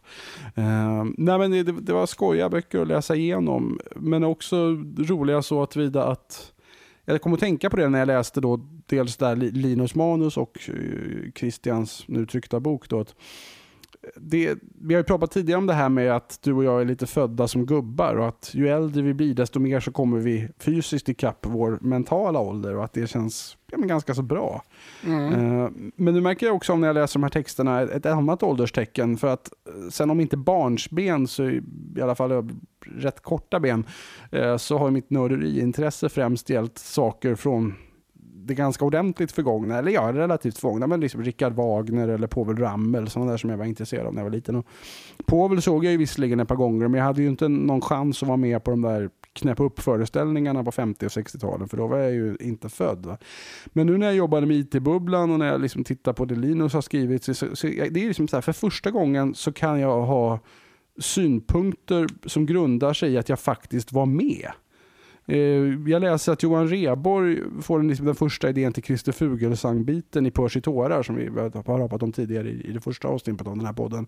När han sitter backstage på Little Shop of Horrors på Kina. Och, ja, jag satt i den där knäppa blomförsäljardräkten framför lårspegeln och plötsligt så började jag leka att jag var den här astronauten Christer Fuglesang.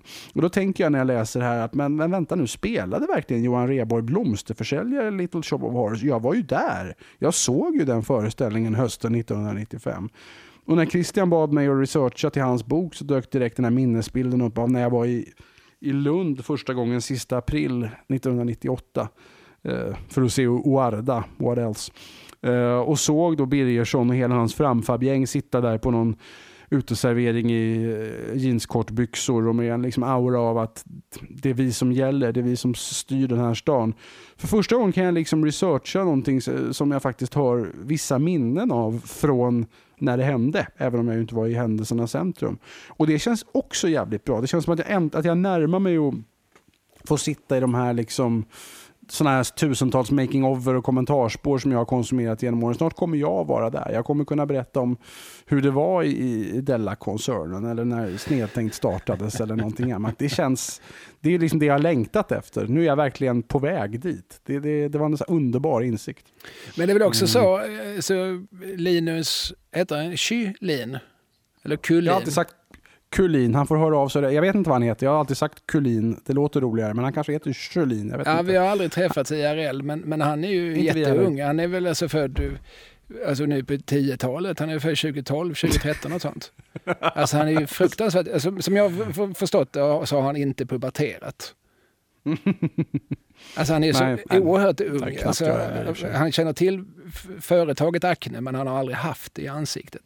Än.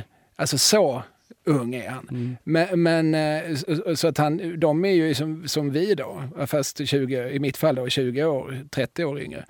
Eh, och i ditt fall lite, inte fullt så stor åldersskillnad. Men, så, så att mm. för dem är ju då eh, det som hände i slutet på 90-talet, det är ju lika abstrakt som det som hände i slutet på 70-talet för min del, eller slutet på 60-talet rent av. Det tycker jag, det gör, gör mig väldigt glad att stafettpinnen går vidare på något vis. Att mm. unga människor intresserar sig också för saker som hände innan de var, hade liksom ögon att se med och öron att höra med på det sättet. Men som, just det, för jag är 20 år äldre så det här blir ju samtida för mig. Men för dig är det ju faktiskt ungefär som när jag sitter och gräver i under dubbelgöken från 79, då jag var fyra år gammal, som jag givetvis inte upplevde på plats. Det tycker Nej, jag, det, det, det, gör mig glad. Jag träffade en annan, apropå detta, så träffade jag, jag hade, det är ett snedtänkt avsnitt som kommer under våren. Jag träffade Thomas Funks gamla flamma. Eh, ja, hon ja. Ja, inte Eva Funk, utan en annan av hans gamla flammor. Eh, som Aha, heter, jag trodde du skulle försöka vara rolig. nej, hon heter Ann-Kristin Bergholm. Och hon har en mm. son ihop med Thomas Funk och så har hon en dotter ihop med en annan karl. Och eh, alla de tre var här i studion och eh, så pratar vi om Thomas Funk då, och Grodan Boll-universat. Jaha, fan vad roligt. Ja, det, det, det är ett ganska muntert program. Ja, men för Ja. att eh, ja, men den här eh, modern som var en fantastisk kvinna, och så här, hon, men hon är lite Eh, hur ska man säga? En sån här människa som har många tankar i huvudet samtidigt och i munnen samtidigt. Så att hennes barn agerar lite grann sufflörer hela tiden. Så, ja, nu glömde du det morsan. Ja, eh, ja, men innan du kommer dit så glömde du att säga sådär va. Så det, det blir ett Mm. roligt samtal med många röster i luften och många historier.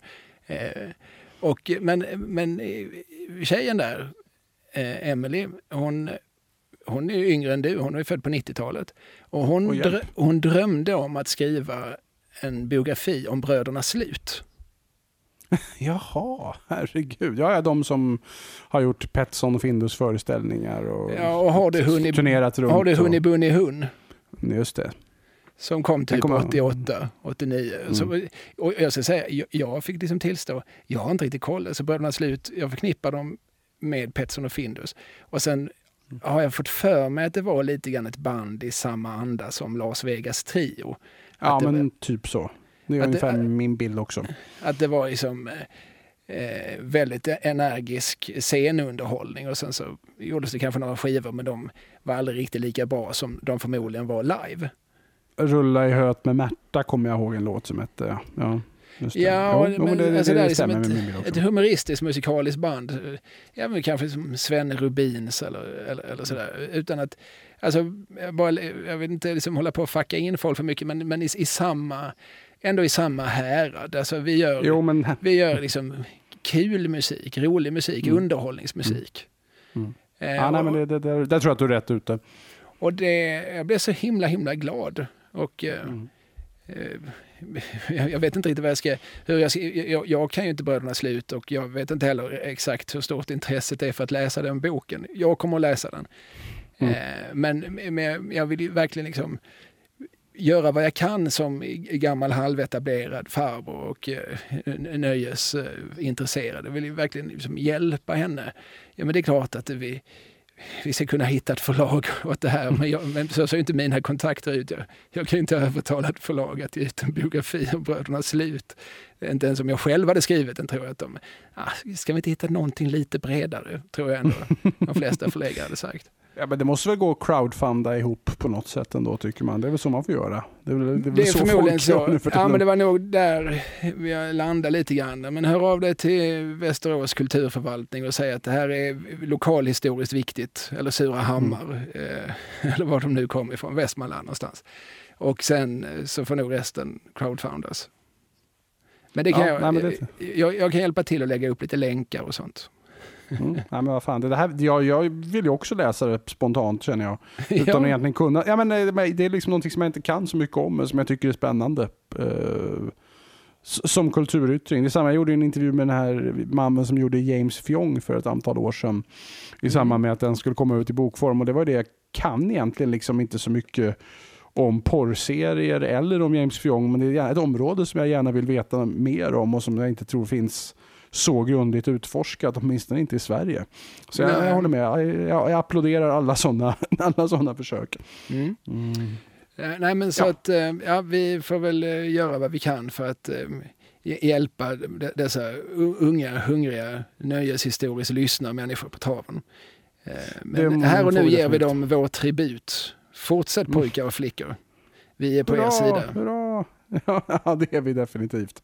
Eh, men då kan vi väl säga att eh, det är dags helt enkelt. Det är dags, det är dags att Della Morta. Det var trubadurtema förra gången vi pratade om Ola Magnell och det kommer faktiskt att bli trubadurtema den här gången med. Det var inte riktigt tanken från början men det berodde på någonting så totalt otippat som att jag såg att Katarina Taikon ska få ett minnesmärke i Örebro. Se där. Eh, och det, ja, och det satte igång en liten associationskedja i min skalle som gjorde att jag gick till Kungliga biblioteket, som jag så ofta gör, och plockade fram en av min barndoms favoritböcker. Eh, nämligen Evert Taube i Expressen från 1976. Eh, det var det året som Evert Taube gick ur tiden och Expressen gjorde en liten ja, minnesbok kan man säga med olika intervjuer med och klipp om Evert Taube genom åren som gått. Eh, så jag tänkte att vi ska helt enkelt göra en klassisk fem i topplista med mina fem bästa ögonblick i Evert Taube i Expressen. Eh, och, och... Jag gillar allt jag gör. Ska vi, ja. ska vi börja med att förklara? Ja, Evert Taube räknar vi med att folk vet vem han är, men han hade ju en särskild relation till tidningen Expressen. Alltså Bo Strömstedt som ju var först eh, kulturchef i ett antal år och sen en av Expressens mest profilerade chefredaktörer under väl ett par decennier nästan. Eh, mm. Han, han, stod, han hade, han hade liksom vänner och fiender och på vänlistan fanns eh, Evert Taube och Astrid Lindgren. Eh, det var ju också i samma tidning som Astrid Lindgren samma år, 76, skrev Pomperipossa i Monismanien. Och sen så hade han en fiendelista och på den stod bland annat Henning Sjöström och Jan Guillou. Eh, och där stod de med stolthet. och sen är det inte mer med det. Nej, men, men, ja, men han hade någon särskild relation till, till Taube och eh, lät ofta eh, Taube skriva, även om han inte hade något att skriva. Och var alltid snabb med att eh, ge lite förskott, även när han anade att Taube inte skulle komma och leverera något. Eh, ja, men eh, Taube hade det, den relationen också till tidningen Vi som ju då, om Expressen är en kvällstidning som ges ut av Bonnierkoncernen så var ju Vi på något vis dess raka motsats. Det var ju en veckotidning som gavs ut av, av KF, Kooperativa förbundet, och, och alltså var eh, sossekodad. Men, men där hade ju, det var ju, det är och förblir vi som delar ut Evert Taube-stipendiet som Evert Taube instiftade 1960 till eh, minnet av sig själv. Och, ja, också, och gav till sig själv. Ja, han gav, 60 gav han det till sig själv och sen då tio år senare när det var tioårsjubileum så gav han det till sig själv en gång till. Och sen 75 fick Sven-Bertil det. Ja, och jag tror 76, precis innan han gick bort, så fick han det själv igen. Nej, uh, det, det, är för bra för att vara sant tyvärr. Nej, jag tror, jag tror faktiskt att det står i den här boken, det är en bild på Taube från den, ja, den sista gången som han han framträdde på Gröna Lund ihop med och då står det, priset gick som så många gånger förr till honom själv, konstaterades lakoniskt. Men jag kan, ja, jag kan minnas fel där i och för sig. Ja, jag, jag hoppas att du inte gör det, men jag är rädd att eh, det känns som att jag hade noterat det, för att jag, det har jag gjort mig lustig över lite då och då, när mm. eh, tillfälle har givits. Eh, nej, men det, det är ju så fantastiskt, det säger så himla mycket om, om, om en människa. Jag läste Ove Hans memoarer, har du läst dem? Mm. Nej, eh, tyvärr inte, men det måste jag göra som ett skott. Ja, han var ju alltså artistchef på Gröna Lund i, i också i en oherrans massa år. Och eh, som sådan så, så skapade han liksom kontakter med såklart hela nöjesvärlden, inte bara Nöjes-Sverige. Men, men man förstår att det är vissa som han höll särskilt varmt om hjärtat. Och Evert Taube och Sara Leander är, är, två av dem. Och han beskriver dem så kärleksfullt. Alltså, man, alltså det här är ju stora, stora barn, men ack så charmiga barn. Eh, så mm. nyckfulla och, och, så fulla av, av konstiga liksom, idéer och krumsprång. Och, ja, och så förstår man att det här med att Evert Taube hade den här necessären. Han skulle ju alltid innan, innan konserten så behövde han sin necessär för då skulle han gå in och fräscha upp sig. Och, eh, vid något tillfälle så sprack necessären och ja, då förstod vi ju att det var ju en, låg ju en halvpanna whisky i den.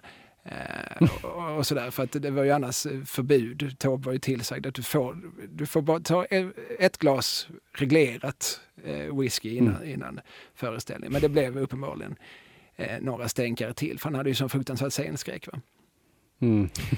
men, men, hur som helst, så att jag gissar att det är Bo Strömstedt som är initiativtagaren till den här boken som, som Fredrik av Trampe älskade som barn. Ja, jag får bara tillägga det. där. Det finns ju också en... Uh, Povel har ju berättat en helt fantastisk historia om när han och Taube skulle göra radio ihop. Det är en ganska lång och invecklad historia som går ut på att Povel skriver en ganska... Eh, det är väl Bertil Perrolf, tror jag, den legendariska radioproducenten, som ringer upp Povel och säger att Taube skulle vilja göra radio med dig och att han vill att du ska sjunga eh, något av dig och något av honom och att ni ska göra duett i Rosa på bal. Mm. Och Paul säger, vem ska göra Ros? Ja, det är inte det är alltså en, nej. nej. precis. Det är alltså en duettsång då mellan, mellan Fritiof Andersson och, och eh, den unga nymfetten Rosa. ja, just det. Och, den, och på, på, på olika, det här blir ju väldigt konstigt. Så att, om man tittar på texten, om jag ändrar lite så här och så kan jag ändra, ja det var ju kul, då kan jag ändra lite så här också. Och så till slut har han då skrivit en liksom lite eh, skoj, parodisk text till till känd melodi där som vi pratade om tidigare, men som heter Rammel på bal. Så man tänker det här blir lite mer rimligt. Och när han sen väl dyker upp i studion på Karlaplan som det var som Sveriges Radio hade på den tiden, då är inte Taube där. Utan då förklarar Per att jo, men vi har en bil ute nu här som åker mellan de olika krogarna i Stockholm och letar efter Taube här. Så vi ska nog kunna hitta honom och få hit honom. Eh, jaha, säger Povel och får liksom sitta och vänta någon timme. Och när han precis är, är på väg att ge upp, då kommer liksom enmansprocessionen Evert Taube insvepande. Och verkar totalt liksom oförstående inför att Povel är där. Jag ser Ramel här, jaha, jaha då, då, då måste vi ha förstärkningsgitarrer. Uh, och vad han menar med det har fortfarande ingen begripit. Uh, men, men också då när Povel lägger fram den här texten och börjar sjunga, han kommer ju inte många rader in innan Tobbe säger Det där gör jag aldrig! Skulle, hur kan Radiotjänst understå sig och tro att jag skulle sjunga parodi på egen text? Det är sånt som Ramel gör, det gör inte jag. Eh, och så skriker han till på jag är ingen apa. Ja, det är inte jag heller, säger på. Ja, det har jag aldrig sagt. Och sen så blir han rasande och säger om, om Radiotjänst tycker så här, då är det lika bra att vi lägger ner hela serien. Och så tar han, packar ihop sitt pick och pack och börjar liksom gå ner från scenen och går liksom längs med stolsraden upp mot dörrarna som leder ut. Och när han har nått bort till dörrarna så vänder han sig om med handen bakom örat. VA? Han ville helt enkelt att de skulle ropa tillbaka honom, men det var ingen som ropade. Nej. Uh, så, nej, så han kommer upp på scenen igen och säger nu ska vi inte vara osams här, nu ska vi ta oss en liten whisky. Uh, och så drar han upp en, några små glas och en flaska Johnny Walker Red Label och häller upp och säger att ja, man ska inte dricka den svarta för den är giftig. Eh, och Povel tänker, ja, den är dyrare också. Kan ha med det att göra, kan ha med det att göra. Och det tänker jag ju på varenda gång som jag dricker whisky. Att man ska akta sig för Johnny Walker Black Label för den är giftig.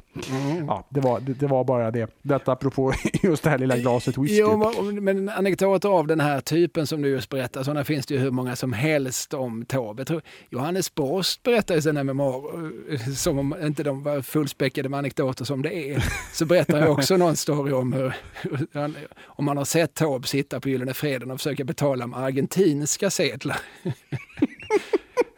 Så, sådär. För att, ja, de, det brukar alltid fungera. Konstigt, får man inte betala med...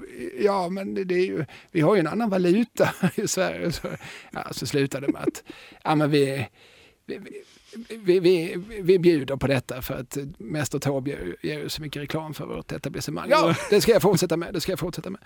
Eh, och, den här historien om Albert Bonnier har du väl hört? Ja, jag, jag satt och funderade på, ska jag dra den? Ska jag dra den? Ja, nej, men, men då, du skiter i det. Men i, i sammanfattningsvis, ja. han, fick, han fick mycket pengar av Bonniers för att skriva en, en 50-årsvisa till Albert Bonnier som sen bara var Fritiof Anderssons paradmarsch med Fritiof Andersson utbyte till Albert Bonnier. Eh, och, och, det finns ju så massor med anekdoter av den här sorten, varav en del ju säkert eh, är hittepå och en del eh, som kommer någon annanstans ifrån och så. Men han verkar ju ha varit faktiskt en, en, en excentriker.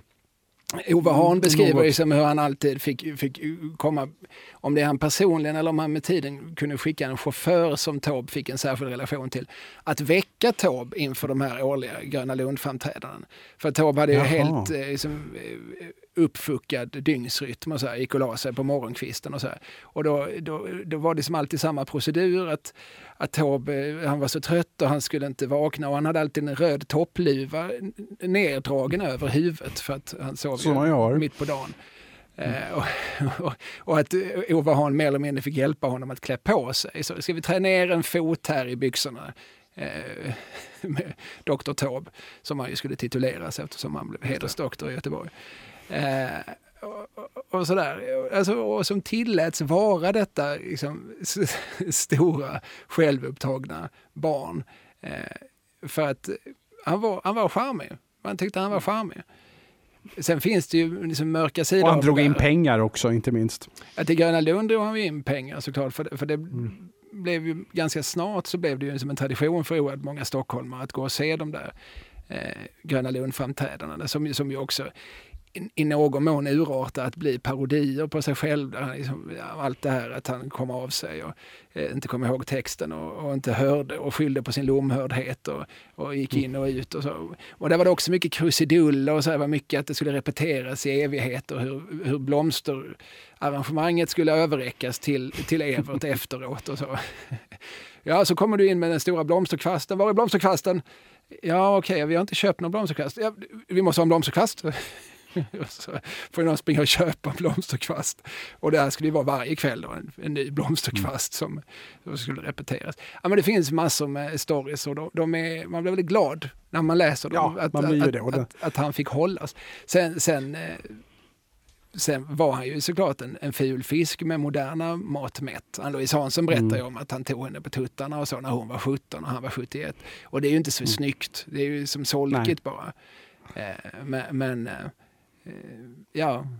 Men att Tage Danielsson då gick in, och, gick in och stoppade honom, vilket ju talar ännu mer till till Tages eh, heder och förtjänst, om det nu behövs mer som talar för Tage, Tage Danielssons heder och förtjänst. Men det gjorde han. Ja, precis. Någon, jag, intervjuade ju Ann-Louise om detta, ja, inte bara om detta, utan om hennes liv och karriär generellt för ett program som du och jag gjorde för några år sedan i P4.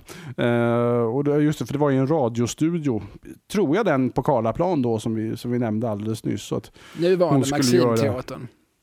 Ja, Maximteatern. Ja, precis, precis, precis. Och att uh, just att hon ska göra någon sån här Pierina eller någonting och att han helt plötsligt kommer fram och tar henne på brösten och då hör man från kontrollrummet Bryt! Tage Danielsson. Och så går han in, tar Evert åt sidan en stund och uh, pratar, pratar lite grann och sen så genomför de det hela utan några som helst vidare antastningar från Everts sida gentemot Ann-Louise.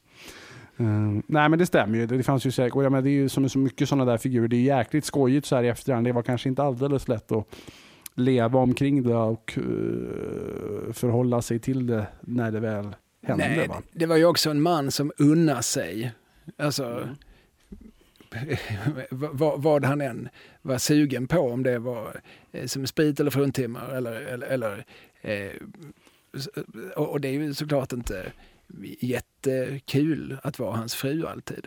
Sen hade han väl turen att ha en extremt förstående fru i Astrid. You can say that again. Ja, och även Sven-Bertil har ju aldrig sagt ett ont ord om sin pappa. För att mitt i alltihop så, så var ju hans föräldrar väldigt närvarande. Så även om Evert var liksom tusen procent självupptagen så fanns han ju ändå väldigt mycket liksom till städes och eh, ty tyckte det var, var, roligt att, att leka med barn. Och så, så, precis så, som, som självupptagna män ofta kan tycka för att man får så, man får så mycket tillbaka när man skojar med barn. Om man alltid vill ha bekräftelse så kan man ju liksom rusa in i barnkammaren och, och hojta lite så blir ju barnen glada. Eh, och, och sådär. Så att, ja, en komplex eh, figur på, på det hela taget. Men, men eh, i slutändan så kan jag inte komma ifrån att jag tycker att han verkar vara rätt älskvärd. Eh, jo, men jag landar väl nog också någonstans där. Um, nej men och jag tror, nu har vi hållit på att prata så länge så vi, vi, jag stryker en punkt på fem i topplistan och så får det bli en klassisk fyra i topplista istället. Uh, och då kan vi börja med punkt fyra som också är lite rolig för att den säger någonting om Expressen. Att Expressen har ju egentligen ända sedan sen de startade så har de haft den här vad man säger, taglinen eller temat när Expressen griper in. Mm, ja. som är då, det är det här när Expressen då ska hjälpa den, den svage medborgaren mot staten ofta. Parodierad i Herngren och Holms gamla penetrerings-tv. Där Stefan mm. Sauk spelar en Expressen-journalist som, som ju kom, kommer till, till brottsplatsen där någon sitter barrikaderad bakom en dörr och där det står kravallpolis och, och, och, och gråter bakom varsin sköld. Vi vågar inte ingripa förrän Expressen är på plats. Och så kommer, kommer liksom Stefan Suken Sauk som, som ju såklart då är eh, aikido-tränad och gör liksom några, några sköna eh, sköna grepp och fäller den där skurken. Eh, ganska roligt. Ja, den är också parodierad av Tage Danielsson när han paroderar Expressen-prosa och den är väl också tror jag parodierad av Jan Guillou såklart i eh, boken Det stora avslöjandet. Eh, nej, men, och det här är lite kul att de använder det här greppet med lite, ett, ändå ett visst mått av självironi i den här boken om Taube. För här refereras det då, och jag läser till Eh, en kväll i oktober 1965 sitter Evert Taube vid ett middagsbord på Rish. Äter och dricker och bläddrar samtidigt i dagens Expressen. Hans panna rynkas när han där får läsa om en invalidiserad sexbarnsfar i Västergötland som till råga på övriga olyckor råkat i ekonomiskt trångmål. Kronofogden vill ta hans invalidbil i eh, mät för en skuld på 2000 kronor. Snabbt samtal till Expressens redaktion. Reporter och fotograf är inom några minuter på plats vid Everts bord. Evert vänder upp och ner på en matsedel. Skriver med sin sirliga handstil ut en anvisning till Stockholms enskilda bank som citat mot detta kvitto behagade betala 2000 kronor till tidningen Expressen att omedelbart användas till det ändamål som avtalats mellan tidningen och mig. Slutcitat. Alltså till att klara upp den skuldsatte invalidens penningaffärer. Dagen efter informerar Expressen sina läsare om Everts behjärtade aktion. Stora rubriker. Några dagar senare ringer Expressens direktör upp Enskilda banken. Han vill för säkerhets skull få bekräftelse på att Everts konto där verkligen uppgår till åtminstone 2000. säger banken. Så vitt vi vet har Evert Taube aldrig någonsin haft något konto hos oss. Men eftersom det nu är Taube, fortsätter den snälla banken, så har vi beslutat att köpa in matsedeln som svenskt originalkonstverk. Vi ska rama in den och hänga upp den på lämplig plats. När Expressen griper in blir det som bekant resultat. Och så finns det en liten fotokopia då på den, på den här matsedeln på vilken Tobak klottrat detta. Jag undrar ju naturligtvis lite som jag gjorde med Sigge Wolfs huvud där tidigare i serien. Var hänger den här fortfarande på något SCB kontor någonstans. Det kanske den gör. Vi hoppas det. Mm. Ja, vi gör det. Nej, men det var, det var punkt fyra på, på listan. Sen har vi punkt tre på listan då. Det är när eh, Evert Taube eh, låter sig intervjuas eh, i, i, samband med sin 75-årsdag. Den var då i mars 1965 och, och då meddelade Taube allmänheten att jag vägrar intervjuer. Jag kommer inte ge några intervjuer här.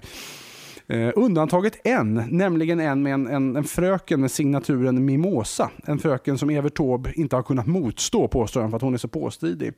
Och, eh, återigen att Expressen är ganska tongue in cheek med sin eh, publicering av den här texten.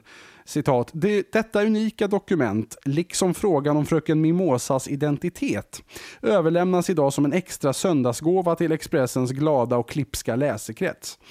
Eh, och det var nog ingen jätte jättesvår slutledning för läsaren att räkna ut vem fröken Mimosa var. För jag citerar här en av intervjufrågorna som inleds så här. Det berättas att när ni nyss var i Sydamerika så gav man lunch för er på en ambassad och där var det en argentinare som har en stor estancia och som kan läsa svenska därför att hans farfars far var svensk och familjen hade den traditionen att äldste sonen skulle kunna tala svenska. Han hade läst eran bok, Don Diego Carlsson de la Rosas roman, ja och så fortsätter det sådär. Och, eh, ja, den enda som rimligen kan ha formulerat sådana frågor till Evert Taube, det var ju då Evert Taube själv. Mm. Eh, men det, det intressanta med att dels så Ja. Dels så upprätthölls den här maskeraden liksom utåt i flera år. Då och då så intervjuade fröken eh, Mimosa Taube ganska utförligt på Expressens kultursida och det var mycket sånt där om att eh, Ja, säger Evert Taube, det är ju bara fröken Mimosa och någon enstaka till som känner till att jag är till 95% så är jag ju ändå prosaförfattare. Nej då, säger fröken Mimosa. Eran, eran prosabok den har ju sålt i 10 000 exemplar men ni, inte, ni borde ju bli mycket, mycket mer kända ändå som prosa. Ja, det borde jag verkligen. Det är den typen av, av utbyten. Men dels också då att i kontakten mellan Bo Strömstedt och Evert Taube så upprätthölls också den här fiktionen att Taube sa alltid att ja, fröken Mimosa hon är ju väldigt uppvaktande, det går inte att avvisa henne. Och, och så förklarar vi någonting för att ja, men fröken Mimosa, det är så här, ni ska skicka gaget till mig så ska jag vidarebefordra det till fröken Mimosa.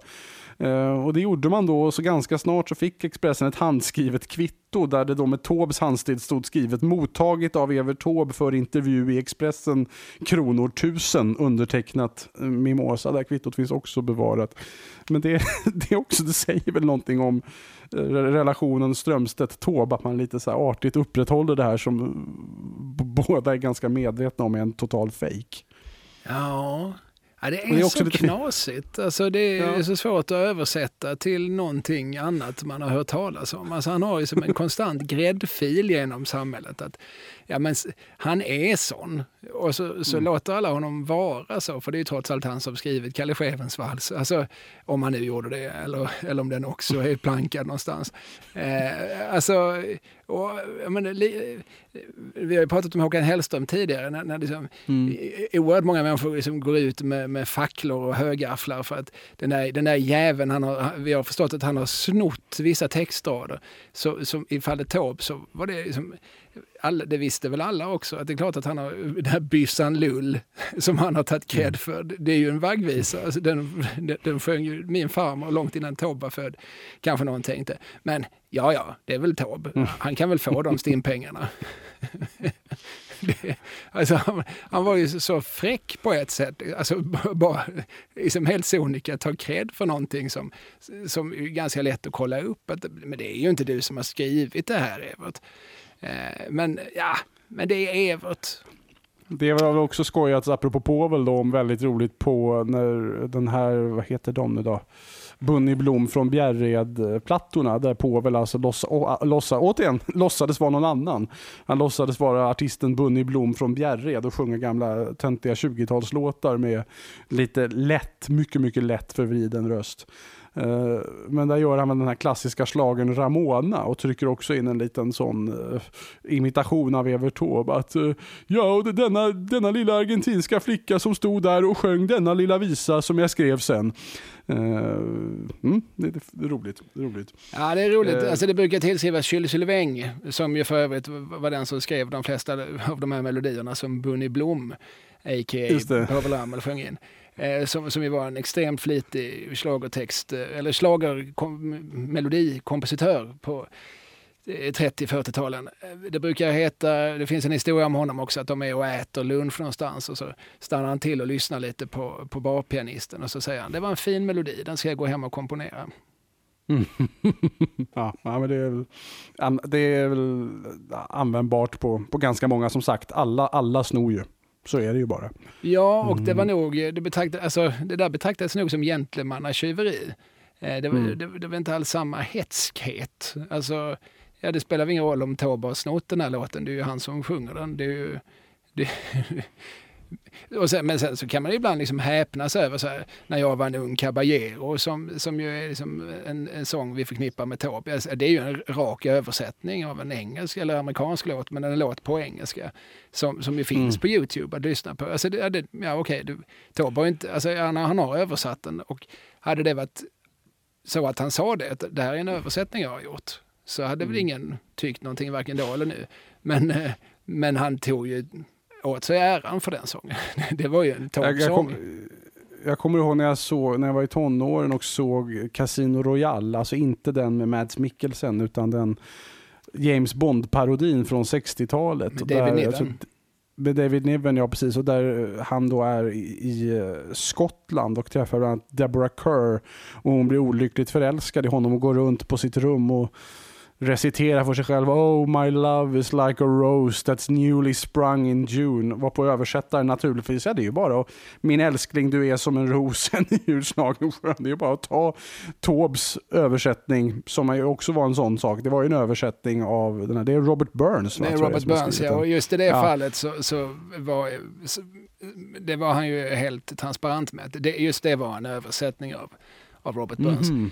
För, för den, är- det är ju en ganska fri tolkning. Så, så den Mm. eh, kunde han väl liksom på något vis ändå ta åt sig äran för. Att, eh, han kunde väl kanske till och med säga att jag har förbättrat Burns här lite grann. Mm. Eh, men ja, eh, det var punkt tre på din lista. Ja, och då har vi punkt två. Nämligen, och nu kommer vi till det här som var det som faktiskt satte igång associationsbanan. Eh, nämligen när Evert Taube 1967 eh, bestämde sig för, på sommaren för att han skulle instifta en medalj. Eh, och då, man skulle kunna tro att han skulle instifta Evert Taube-medaljen. Eh, men riktigt så blev Det hade varit självupptaget. Ja, det hade ju det. Så det är klart att han inte gjorde det. Utan han beslutade att istället instifta en guldmedalj till Katarina Taikons ära. Den skulle heta Katarina Taikons stora guldmedalj för tapperhet i striden mot rasförtryck.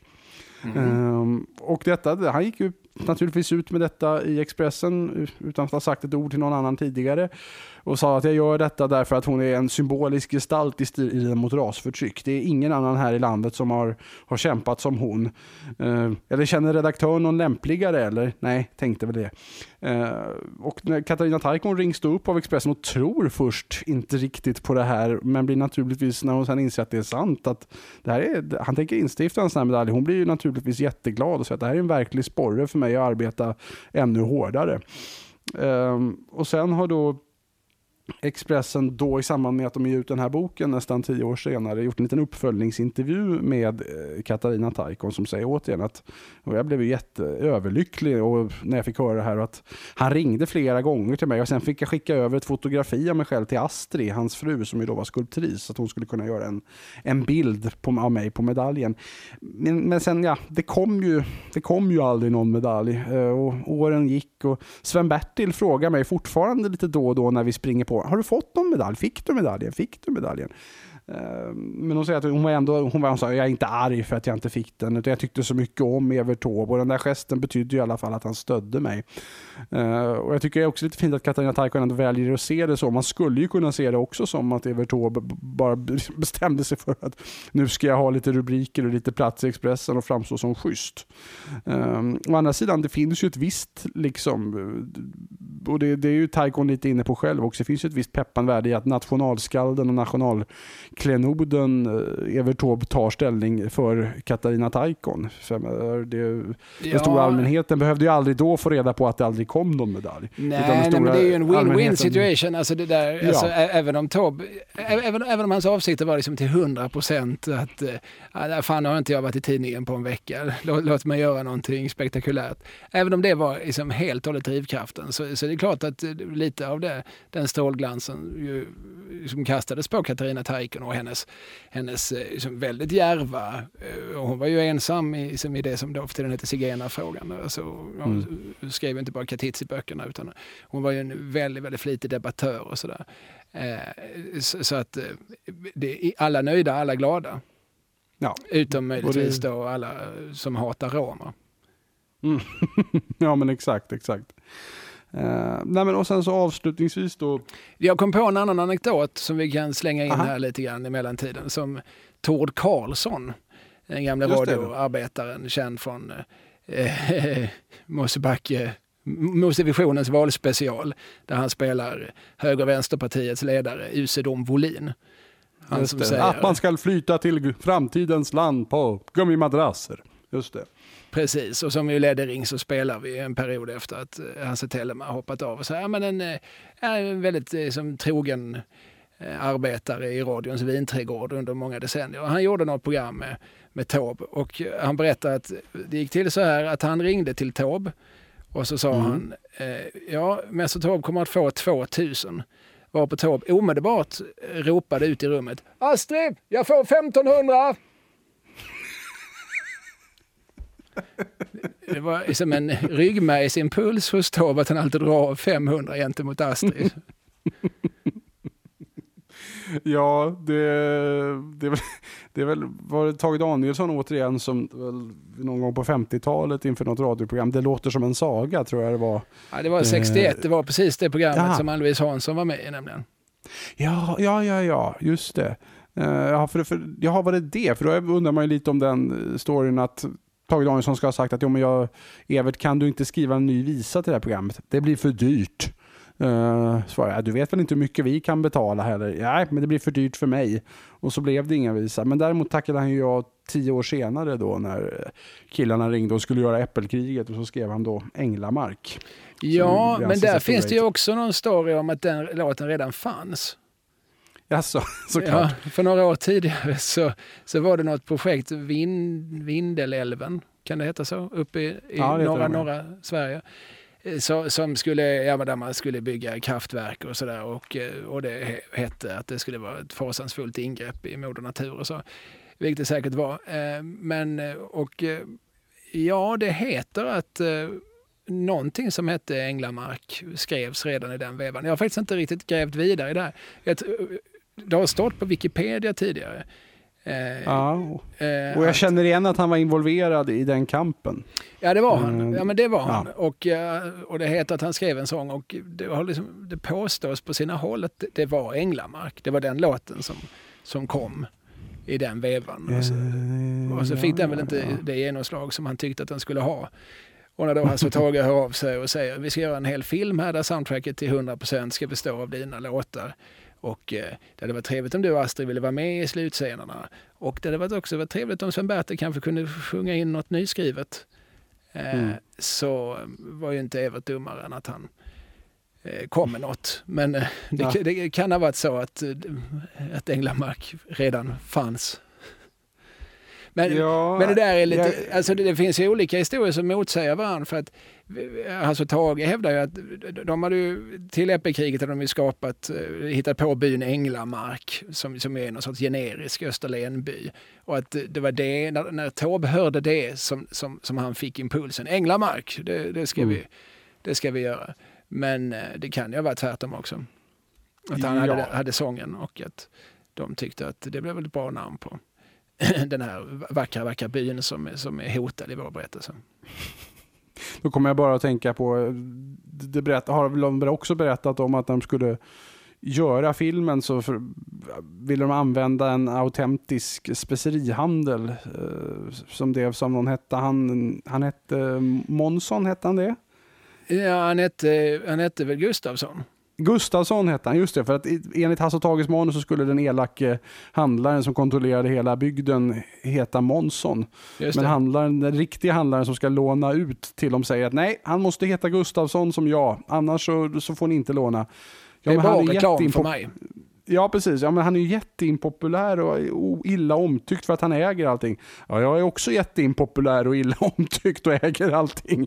Men jag ser det som reklam. Okej, så de fick ju dö- döpa om figuren då. Men sen påstår de väl också att nej, men han var ju inte alls så illa omtyckt. Han var ju tvärtom ganska, ganska trevlig. Ja, detta om detta. Eh, nej, men att, jag vet, apropå det här med Vindelälven vet jag, för det hittade jag också någonting om att det var ju faktiskt Taube var ganska drivande i att man hade ju tänkt, som man tänkte på den tiden, att man skulle riva Södra Teatern i Stockholm.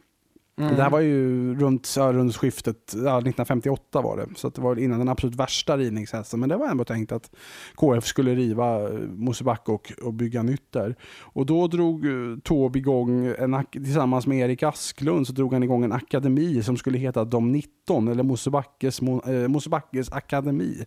Eh, lite oklart, men på något sätt så skulle den vara med och, och eh, eh ja, bevara Mosebacke till eftervärlden så att det inte revs. Eh, och det här gick Taube ut med då i Expressen och listade vilka som skulle bli med, nämligen Bo Bergman och Gunnar Ekelöf och Beppe Wolgers och Ivar Lo Johansson, Harry Martinsson, eh, och Olof Byström och så vidare och så vidare och naturligtvis Evert Taube själv. Eh, men då har Expressen ändå varit lite, lite försiktiga och skrivit ut att medlemmar i den här Stockholmska akademin blir inom parentes om de vill, slut parentes, kolon och sen alla namnen. Så de var inte riktigt tillfrågade. Men en bra blandning ändå. Så Ekelöf och Bo Bergman och Beppe Wolgers och Rådström som då var ganska unga och så vidare. Ja.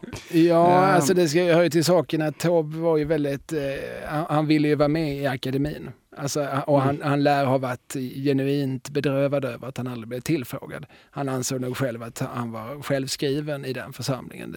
En, en av de stolarna borde bära hans arsle. Eh, och eh, så blev det ju aldrig. Och eh, det, det lär han ha varit eh, liksom, det lär han ha grämts över. För att han var ju, han var ju oerhört förtjust i allt sånt här som, med, med medaljer och titlar och sådär. Det där med hedersdoktor, eh, att han därefter skulle tituleras doktor, det, det var ju viktigt på riktigt. Eh, Mm. eh, han blev mycket förtörnad om någon sa herr Taube till honom. Och skulle någon säga Evert så, så hade han förmodligen åkt hem och aldrig kommit tillbaka. Antagligen. Det var tvärtom med Astrid Lindgren va? Att hon, eh, eller ja, hon kanske gjorde en dygd av nödvändigheten, men att hon frankt deklarerade att hon absolut inte ville vara med i akademin. Ja, så kanske det var. Jag vet att hon, Det vet skrev, inte jag säkert jag, jag vet att hon skrev till Här i ditt liv-redaktionen i, alltså i preventivt syfte och så. Om ni planerar att kidnappa mig så vill jag ha sagt redan här och nu att jag kommer inte att följa med. Så tänk inte tanken. Ja, men det, det är bra. Det, det tror jag Bergman också gjorde. Ja, ja men det, och det var bra för det kunde bli ganska pinsamt i de där programmen ibland. Medan Ernst-Hugo eh, snarare ringde upp och sa, när ska jag vara med? Han och Johnny Bode. Eh, fa- faktiskt. Johnny Bode hörde också av sig till här sitt livredaktion jättemycket. Gör ett program om mig, gör ett program om mig. Det hade varit Ehm, fantastiskt om de hade gjort det. Eh, Det hade de gjort. Å andra sidan, Lasse, Lasse Holmqvist sa väl det liksom retoriskt, vem skulle vilja sitta och berätta roliga minnen om honom? Eller ja, det beror ju på hur man definierar roliga i det läget. Trevliga. Ja, ja, ja. Det hade ju varit mm. en och en halv timme mycket, mycket dålig stämning. Men det var det ju ändå. Det var det ju när Harry Schein Jo, var gäst. Har du Just sett det det. Harry Schein-programmet? Eh, nej, jag har hört talas om det men jag har aldrig sett det. Nej, alltså, jag det, bitar av det ligger någonstans på nätet. Alltså, det, är ju, det är ju helt det är ju fruktansvärt, det går ju inte att titta på. Men vad som är intressant med det, det är att för här i ditt liv det börjar ju alltid med att Lasse Holmqvist liksom stiger fram framför kameran och det är direktsändning och så börjar han liksom, eh, säga någonting om vem är kvällens gäst och så, så får man lite ledtrådar och sen så är det liksom då klipp till en film som de har gjort tidigare på dagen vid kidnappningstillfället. Och det Mm. brukar inte vara, alltså det brukar ju bara vara liksom härligt att eh, här har Lasse Holmqvist en dålig förklädnad och så blir han lite avslöjad och så blir det kul. Eh, men, men i fallet Harry Schein så är det inte så utan då, då är de på någon restaurang och Harry Schein sitter och kedjeröker och Holmqvist sitter där. Och eh, jag kommer inte ihåg hur han är utklädd men hur som helst så börjar han och du ska vara med i ditt liv ikväll. Nej, nej, det, det, det, det ska jag inte. Jag, jag kommer icke att vara med i det programmet. Ja, fast nu har vi ju räknat med det och vi har ju massor, vi har bullat upp med massor med gäster och ditt förflutna. Så nej, jag tänker icke vara med. Och det håller på. De har hunnit under dagen, alltså, alltså inslaget som det är, det är nog kanske fyra minuter av övertalning. Och då är det ändå liksom jättetydliga, skarpa klipp. Alltså klipp till, till 30 fimpar i askfatet, klipp till 50 fimpar. Eh, och Harry Schein, nej men jag vill inte vara med, jag vill inte vara med.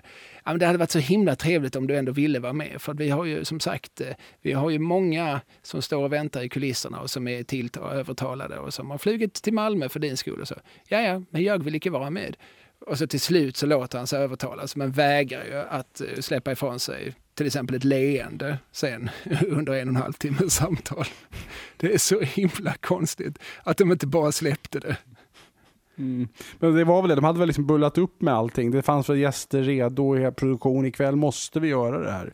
Jo, men de Mm. lär väl också ha haft något inspelat program i pipen. Eller så. Alltså, de, alltså, de, det där måste de ju också förstå. Alltså, när man gör sådana program. Att, alltså, och, och- i efterhand, både Holmqvist och en man som heter Bengt Roslund som producerar programmet under några säsonger som jag känner en smula. Det var för övrigt ihop med Inga-Maj Hörnberg. Så att, Jaha, han, han, är också, ihop. han är mannen bakom både Här i ditt liv och Skurt. Eh, han var inte med från början i Här i ditt liv, men han gjorde mycket av de här Pop Parkett-programmen ihop med Holmqvist på 70-talet och gjorde alla Nils Poppe på Fredriksdal och sånt där. Men både Roslund och Holmqvist har i efterhand liksom, om, om, om en del program sagt att det, att det, det borde vi kanske inte ha gjort. Att det borde vi kanske inte ha gjort. Vi borde kanske inte ha övertalat honom. Och, och jag vet, med Rune Moberg, som, som inte så många pratar om längre, men som ju ja, var, var chefredaktör eller ledarskribent i tidningen C och också skrev Lilla Fridolf. Han, eh, han hade liksom också deklarerat att han inte ville. Och, och, eh, och, och det var också mycket sådär, "Ah, fan vi gör det ändå. Ja, men han sa ju att han inte ville. Jo, men jag tror att han egentligen vill. Eh, Mm. och, och, och i det fallet så var det också så att det var väldigt tydligt efteråt att Rune var mycket nöjd med att ha fått den uppmärksamheten i, i primetime Jaha. tv. Men det kunde de ju inte veta. Jag, jag känner själv att om någon säger tydligt, jag vill inte. Nej, okej, skit i det då. Ja. Det är så konstigt när det finns så oerhört många människor man kan göra program om. Vi ska ändå ta han som har sagt till oss att det, det vill jag inte att ni gör. Nej, det, det är ett märkligt sätt att resonera på. Nu fanns ju inte här i ditt liv på Evert Taubes tid, annars hade han ju säkert glatt eh, lå- låtit sig kidnappas. Ja, ja, utan tvekan. Det tror jag inte vi behöver ens fundera över. Eh, nej, men eh, det, det som är toppen på min lista är, har egentligen inte Jo, det har lite med Evert Taube att göra, men det är mest för att jag tycker att det är en skojig ansamling av sådana människor som har intresserat mig hela mitt liv. Och det är Expressens eh, telegram i samband med att Evert Taube fyllde 80. 1970. Det är alltså faktiskt så att när, när vi spelar in det här så har det precis varit Evert Taubes 130-årsdag den 12 mars. 2020. Eh, Han var ju alltså född 1890. Det hade jag inte en tanke på när jag förberedde det här först, men det upptäckte jag sen. Så det blev ju aktuellt på något konstigt sätt ändå. Det är ju någon som eh, talar till oss. Alltså det, ja, det, det, det här är inte en slump. Det, här, det här är ju ödesgudinnan som drar i sina trådar. Ja, precis så. Nej, men då bad i alla fall Expressen e- Everts olika låtskrivarkollegor att inkomma med rimmade telegram. Eh, som, som en liten hyllning till Toben. Och det, det, är en, eh, det är ganska skojig ibland. Dels är det kul, hans rim är inte så himla bra, men det är intressant att Fred Åkerström är med. Fred Åkerström hade ett liksom omvittnat ganska negativt eh, förhållande till Evert Taube. Han menade att sån där sjömanspekoralism, det sjunger jag inte in. Uh, Lik förbannat sjöng han ju in gamla Nordsjön ändå. Va? Men, ja, men det var en annan uh, sorts sjömanspekoralism. Ja. den var mer genuin och uh, folkligt förankrad. Han spelade in ja, en tåblåt. Han gjorde ju ett undantag. Ja, ja, just det. Som han menade att den var liksom större än Taube. men, men i övrigt ansåg han ju att Taube var liksom en, en, en, en borgerlighetens rövslickare. Ja, det kan ha att göra med att det, som man, det här rimmet som man har skickat in är inte alls rimmat. Tag ditt åttionde glas, fyllt till bredden av det rödaste vin. Sätt det på din gässa som en krona och skrid förbi dina sånger. Sånger som är och dina söner och döttrar. Ja, det, det. ja, det var en ganska så, fin så. formulering i och för sig. Mm, ja, ja, ja. Eh, Ove Törnqvist har skrivit här. Eh, den, den 12 mars, en märklig dag. Då föddes både du och jag. Det firar elverket, du Evert, som om det inte vore sevärt. Men tårtan blir nog lika fin med Liljeholmens stearin. Tyckte jag var fint. Uh, ganska Törnqvist. Törnqvist är ju en jäkel på det där. Alltså vi, vi har inte pratat så mycket om Ove Törnqvist som vi kanske borde göra. Men det, Nej, vi väntar till han är död. Ja, precis. precis. Eh, och sen har Stickan Andersson bidragit här. Eh, jag som är född år 191 efter Bellman och år 41 efter Taube menar att profeter föds sällan. Statistiskt nästa gång år 2040 efter Kristus. Eh, och sen, men sen då naturligtvis mina två ja, eh, det, finns mina två stora favoriter här är annars naturligtvis då signerade AB Svenska Ord och eh, en annan person. Eh, AB Svenska Ord skriver så här. Säll är du som flyhänt rimmar. Detta tog oss flera timmar. Um, mm, och sen då finns ett sista, sista telegram här där man kan då få fundera lite på vem upphovsmannen är. Ett telegram där det bara står Tack snälla Povel Ramel för det här telegrammet till min 80-årsdag. Undertecknat Evert Taube. Eh, och med detta så var vi väl kanske egentligen klara för Nej, Jag tror många egentligen vill veta vad som låg på femteplatsen. Eh, ja, det var egentligen ganska associativt. Jag ville mest prata om när Evert Taube och Karl Gerhard gjorde radio ihop hos Bertil Perrolf. Ja, just det. När Taube hävdade med, med bestämdhet att han aldrig hade hört jazzgossen. Han hade ingen aning om vad det var för melodi. Och Karl Gerhard, ja, men det var ju ändå liksom en det var ju Väkta spelad på sin tid och, och, och eh, mm. har du verkligen aldrig hört den eller har Tobbe aldrig hört den? Aldrig hört talas om. Vad är detta för en sång? och så sjunger de ju den också och Tobbe sjunger ju ännu falskare än vanligt.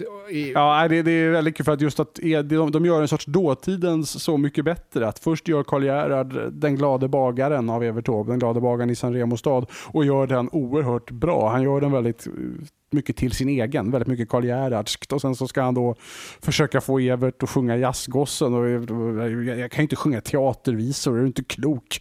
Och, men så, och sen blir det då en refräng som, som du säger, eh, ja, ännu falskare än vanligt.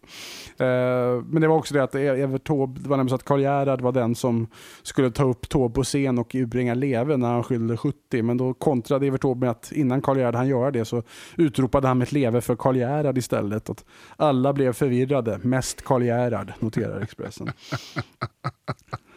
Han är ja. en sån applådtjuv. Så jävla strålkastarknyckare.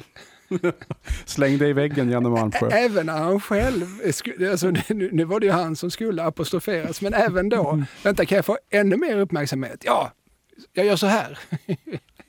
ja, spännande. Eh, ja, men då eh, Ja. har vi hört femman också. Det har vi som, som en liten bonus där. Det tog inte så lång tid som jag trott. Men om jag, hade, om jag hade pratat om hela programmet så hade det kanske tagit ytterligare en halvtimme. Ja, Eh, men och sen ytterligare en halvtimme för att prata om hur lång tid det hade tagit att prata om det. Dessutom, dessutom. Så då hade, då hade vi aldrig kommit härifrån. Nej men det här har varit Della Morta avsnitt 21. Eh, jag heter Fredrik af Trampe, du heter Kalle Lind.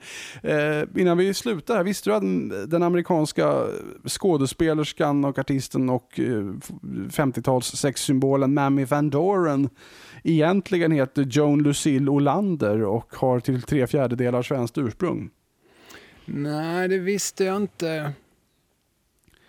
Det är tydligen så att vår eh, gemensamma kompis och den för vissa lyssnare kanske bekante David Nessle eh, uppmärksammade detta för ett antal år sedan och faktiskt kontaktade Mammy Van Doren och eh, intervjuade henne lite om detta. Hon, hon tyckte att det var väldigt trevligt men det blev ingen mer fördjupad kontakt än så. Eh, och jag, jag har en kompis som heter Bobo Ulander som bland annat spelat trummor bakom Henrik Dorsin och när jag upptäckte detta så skickade jag nu informationen vidare till honom och var så här, är ni släkt då? Men det, det visste han inte, men han skulle vidarebefordra det till sin eh, mamma som precis har börjat släktforska. Så eh, ja, det får vi eventuellt återkomma till. Jag har en Eventuellt. del kontakt med en man som heter Bengt Olander som bland annat var Mhm. chef för Buttricks i många herrans år. Jaha. Och som har skrivit eh, sina memoarer som han har skickat till mig för att han tycker att jag bör uppmärksamma honom. Och det vill jag gärna göra, det kommer att hända Mm. en dag. Men han, eh, han kanske är släkt, det, det skulle inte förvåna mig ett Ja. dugg för att eh, han verkar ha eh, många, många strängar. Han har också gjort lite, lite countryplattor på sin fritid. Eh, Oj, hur, hur har jag kunnat missa den här personen? Ja, nej men eh, som sagt.